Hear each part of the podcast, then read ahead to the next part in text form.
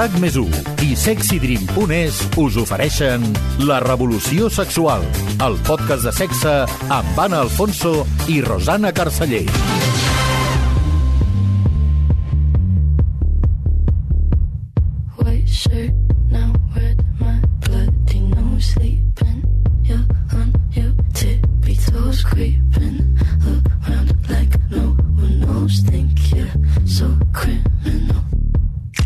De rol en el sexe.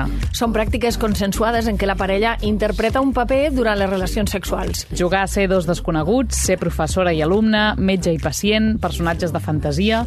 Als jocs de rol, el límit és la imaginació i el nivell de confiança amb la parella. De vegades plantejar aquesta mena de jocs o fantasies a la parella pot ser difícil o pot fer vergonya. Si val tot, als jocs de rol, com podem fer perquè quedin creïbles? Com es poden plantejar a la parella? Avui en parlem amb Ignasi Puig-Rodes, psicòleg clínic, sexòleg, terapeuta de parella, activista i divulgador sexual. Ignasi, benvingut una vegada més a la Revolució Sexual. Moltíssimes gràcies. Tu què entens per jocs de rol amb la parella? Seria això que hem explicat? La veritat és que heu fet una molt bona definició i la qüestió és el punt aquest de trobar l'excitació en la situacionalitzat de la, de la, del, del moment.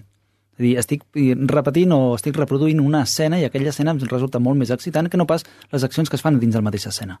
I aquests que hem dit són dels més habituals o en diries d'altres d'aquests eh, jocs que, que són freqüents? A l'estat espanyol, des del segle XIX, hi ha un fetichisme bastant curiós respecte al tema de les monges i els cures que a la resta d'Europa no és tan potent, i aquest no l'heu no mencionat. Ah, sí? Sí.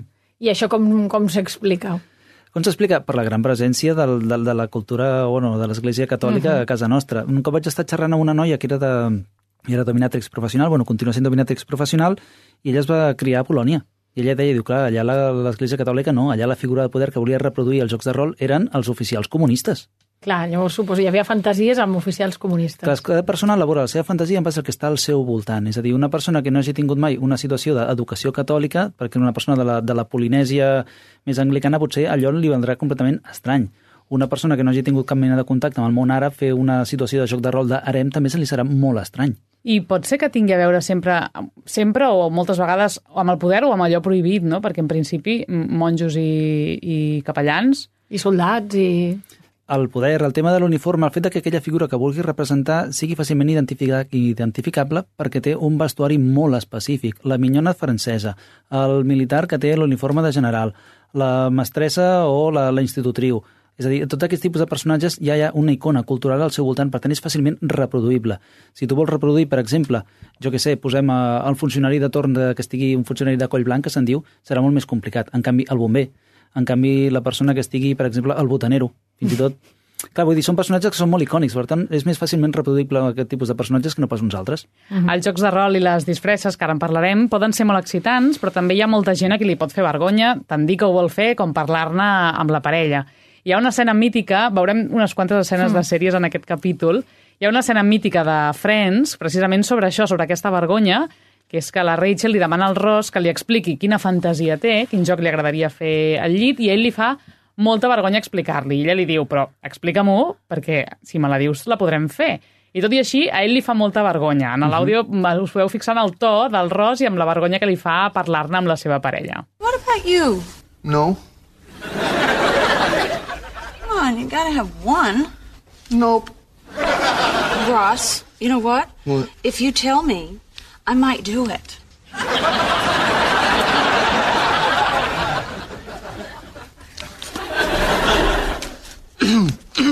Okay.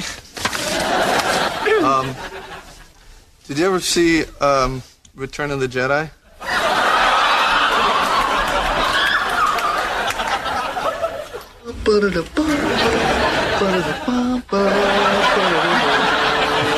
Clar, tots aquests riures és com el que provoca, no?, aquesta vergonya de, de que li fa tanta vergonya explicar-li a la seva parella. Això és habitual, que et faci tanta vergonya parlar amb la teva parella d'una cosa que, bueno... Més del que hauria de ser. Hem de tenir en consideració que dins del sexe sempre les persones tenim la tendència a preocupar-nos de que allò que fem és normal, és a dir, estem fent el mateix que li agrada a la resta de població. Perquè si estem fent el mateix que li agrada a la resta de la gent, serem acceptats o acceptades. Si faig una cosa que sigui estranya, vés a saber si l'altra persona em repudiarà. Llavors, clar, el fet de dir, no, no, és que m'agrada vestir-me de Jedi, uf, com pot ser que t'agradi això? Clar, la por a tenir aquest rebuig farà que moltes persones no estiguin parlant doncs, amb sinceritat amb les seves parelles. I ens hem de sentir estranys si ens ve de gust fer una pràctica com aquesta, per exemple, disfressar-se de Jedi, o és molt habitual que vinguin de gust coses així d'estranyes a priori? A veure, la qüestió és que cada persona tindrà les seves particularitats. Vulguem que no, per molt que totes les persones s'hagin creat a Catalunya, hagin rebut el mateix tipus de formació, el mateix inputs que han vist les mateixes coses a la tele, a cada persona li hauran cridat l'atenció unes coses o unes altres, i tindrà més ganes de reproduir unes coses o unes altres. És com quan arriba Carnestoltes, no tothom es disfressa del mateix, però tothom, qui més qui menys, que no tingui molta vergonya, tindrà aquelles ganes de deixar de ser ell o ella mateixa per interpretar una altra persona, per sortir de la pròpia identitat. Sortir de la pròpia identitat és una cosa que és molt divertida, és molt viciosa.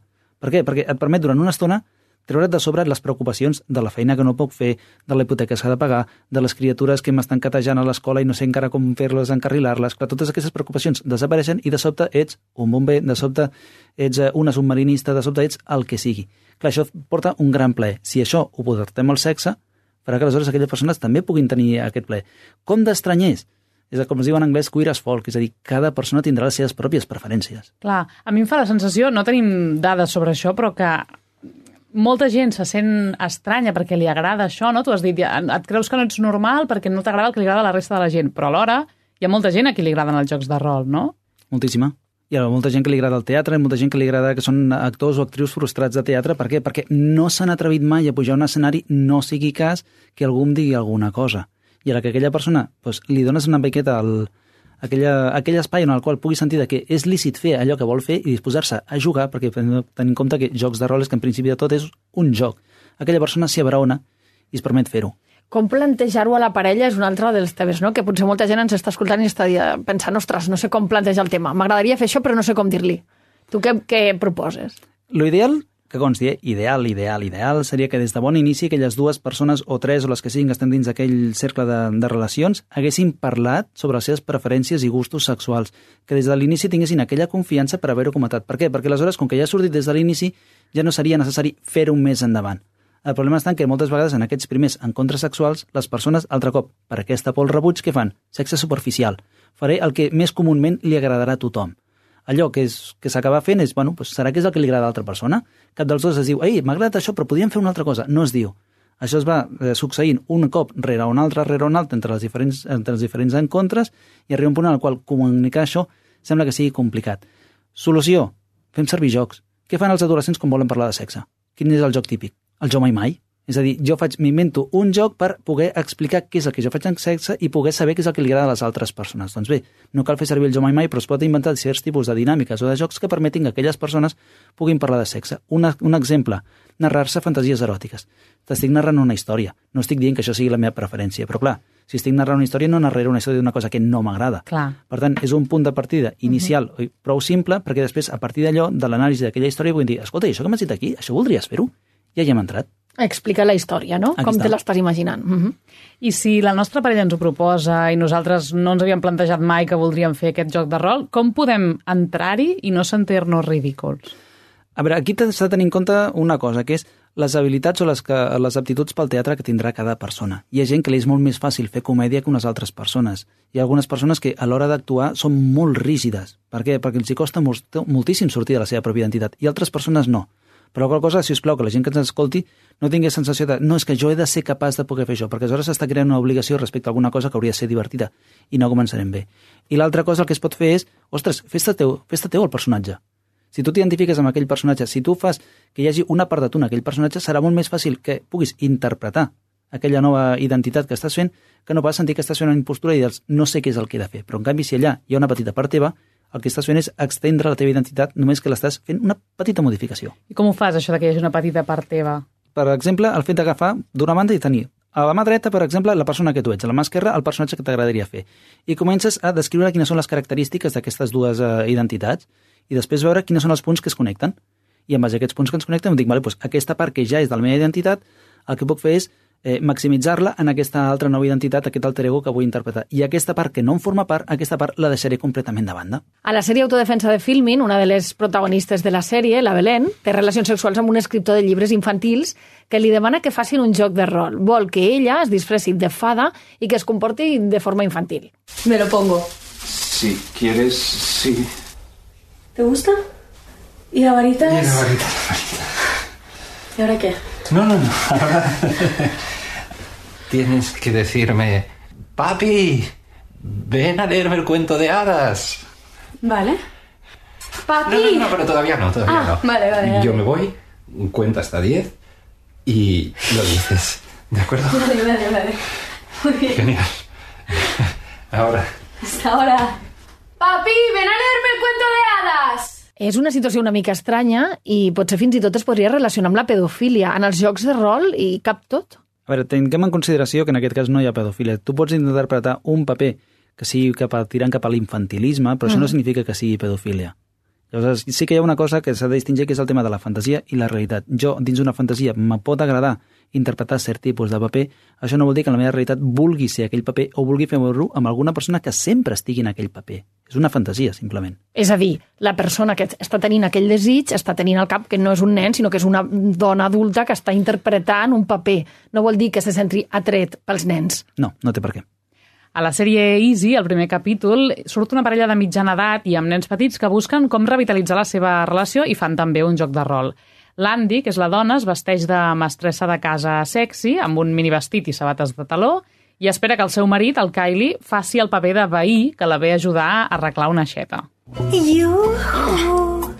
Hola, señor Manita. Hola, señora. Yo... Gracias por venir. ¿Qué? ¿Y esa ¿De voz que estás ríes? poniendo es tan falsa? Es mi persona. Soy un actor profesional, ¿vale? Esto tiene que parecer real, si no... Oh, Dios mío. ¿Qué? Vamos. Para que- empezar, se supone que soy un obrero, ¿no? ¿Por qué tengo que arreglar el fregadero? Los obreros no van a la Pues casa de la gente. eres mi vecino y has querido echarme una mano. Soy una señora atractiva y quieres acostarte conmigo. Entonces, ¿te estoy haciendo un favor o me has contratado? Me estás haciendo un favor. Vale. ¿Cuántos años llevamos de vecinos? Diez años. Genial, gracias. ¿Estás listo? Sí. Yujú. Hola, vecino.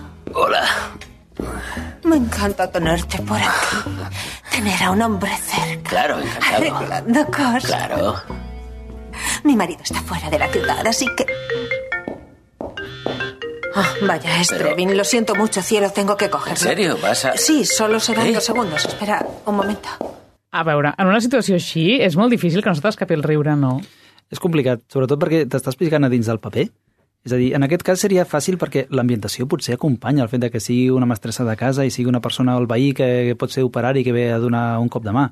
Però clar, en el cas que una persona estigui interpretant, jo que sé, un paper de policia, què fa un policia dins d'una casa? Com fas perquè l'escena sigui creïble? Quan més creïble sigui l'escena, més fàcil és que la persona es pugui ficar a dins del personatge.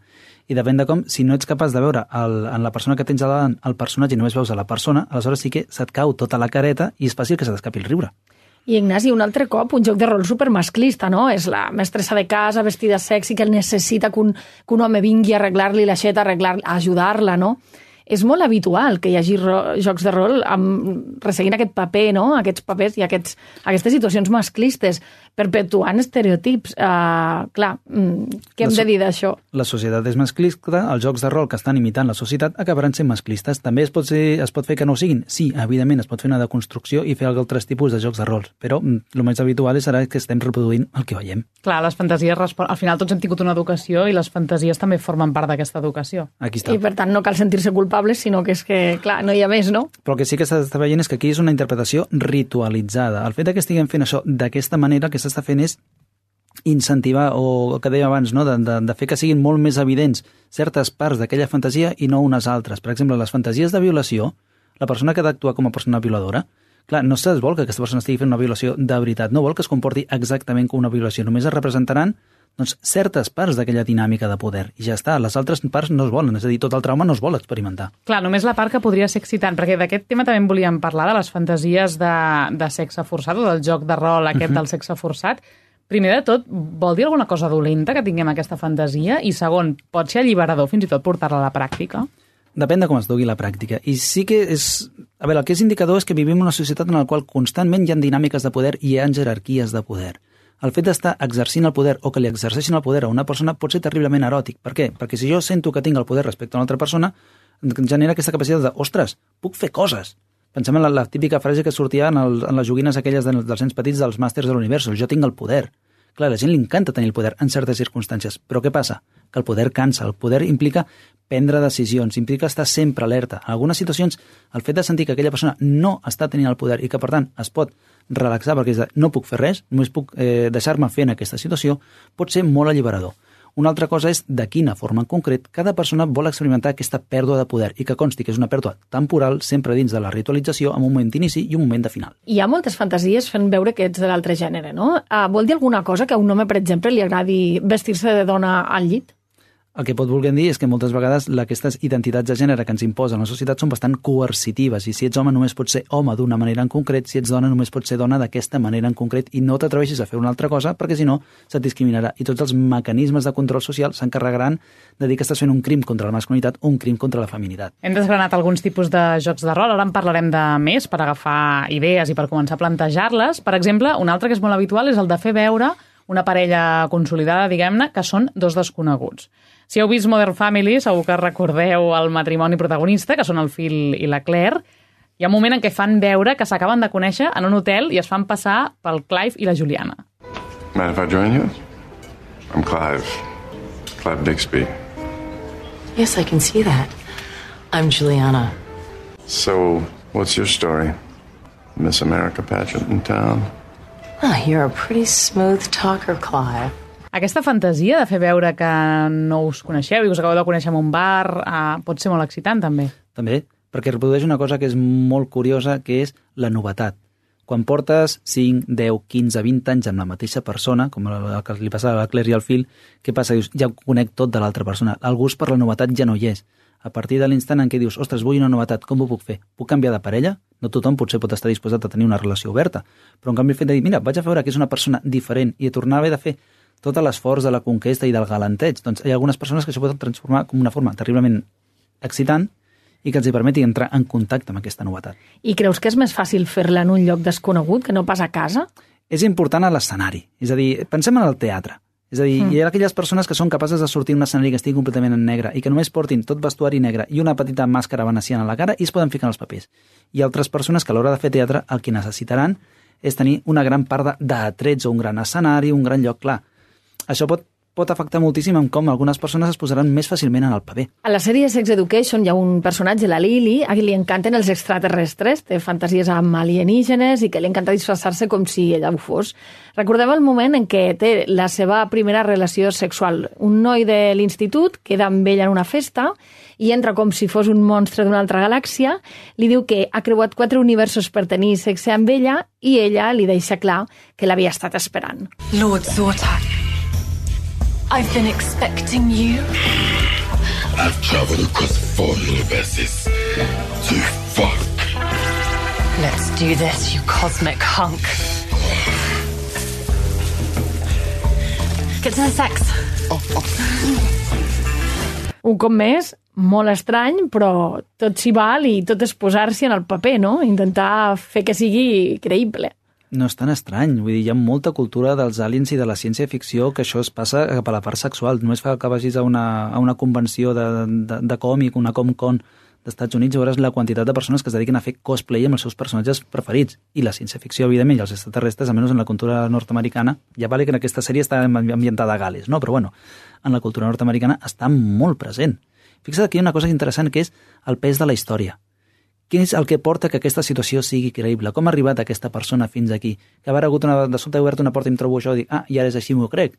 Moltes vegades, a l'hora de fer aquestes fantasies, el que és necessari és fer una sèrie de passos previs que permetin fer una introducció perquè aquestes fantasies siguin creïbles. Una autora, la Valerie Steele, que va fer un anàlisi sobre les eh, relacions entre la moda i, i certes pràctiques sexuals minoritàries, el que feia era analitzar una sèrie d'escrits de, de persones transformistes en diferents tipus de, de revistes. Una persona transformista és aquella persona que té el desig de, de forma temporal, ser vestit amb robes de l'altra identitat de gènere. Generalment són homes que tenen ganes de ser vestits com a dones. I el que veien en les diferents cartes és que cada persona, per fer eh, pues, creïble aquella fantasia, deia, no, no, és que, per exemple, la sèrie britànica de és que quan jo era petit va venir una institutiu que era francesa i allà era la típica manera de castigar els nens.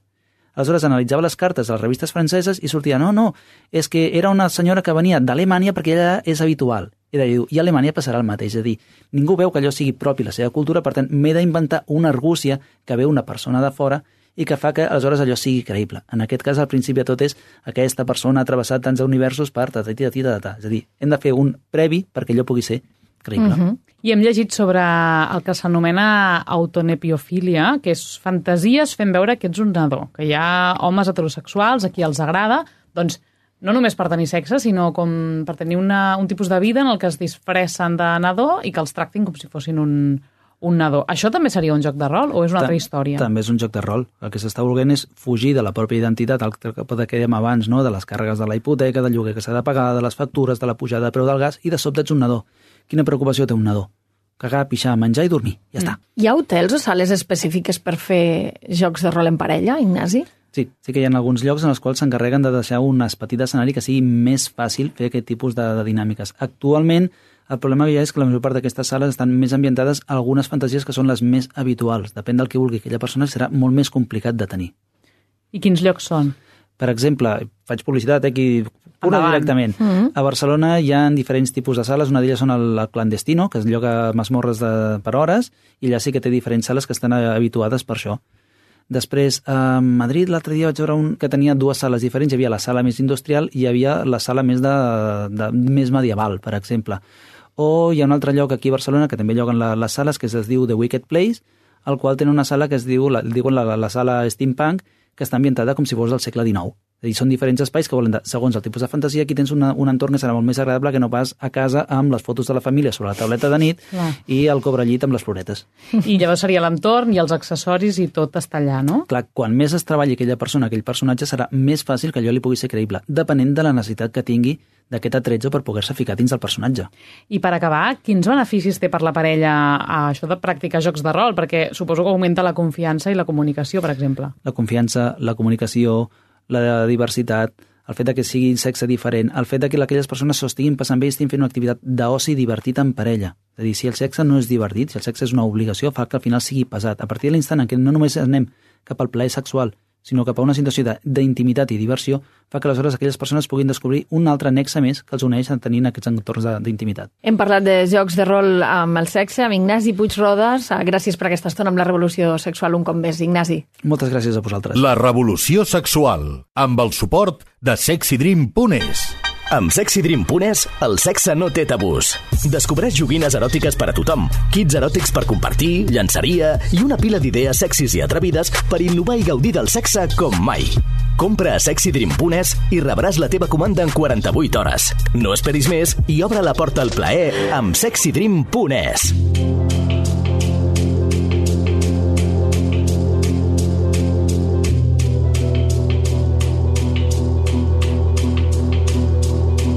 I avui, per acabar, us proposem una obra de teatre, La punta de l'iceberg, el Maldà de Barcelona. Patricia Bargalló i Paula Jornet interpreten sobre l'escenari el paper de dues dones que plantegen diferents temes sobre la seva sexualitat i el seu plaer. L'espectacle vol despertar el desig i fer reflexionar sobre històries i testimonis reals. Bargalló ens explica quin és el missatge que volen transmetre. Volem reivindicar el plaer com a revolució i sortir, encara que sigui per uns moments, de la mirada des dels tabús i des de les opressions i posar el plaer al centre i mm, per poder disfrutar de la nostra sexualitat i apostar per l'autoconeixement i pel viatge que això, que això comporta. Pensem que, que reivindicar el, el sexe com a, com a plaer és una revolució que comença amb una mateixa i que aleshores es pot extendre i extendre i extendre i extendre fins a límits insospitats. La punta de l'iceberg es pot veure al Maldà, de moment, fins al 7 de maig. I amb aquesta proposta, com sempre, us desitgem salut i bon sexe.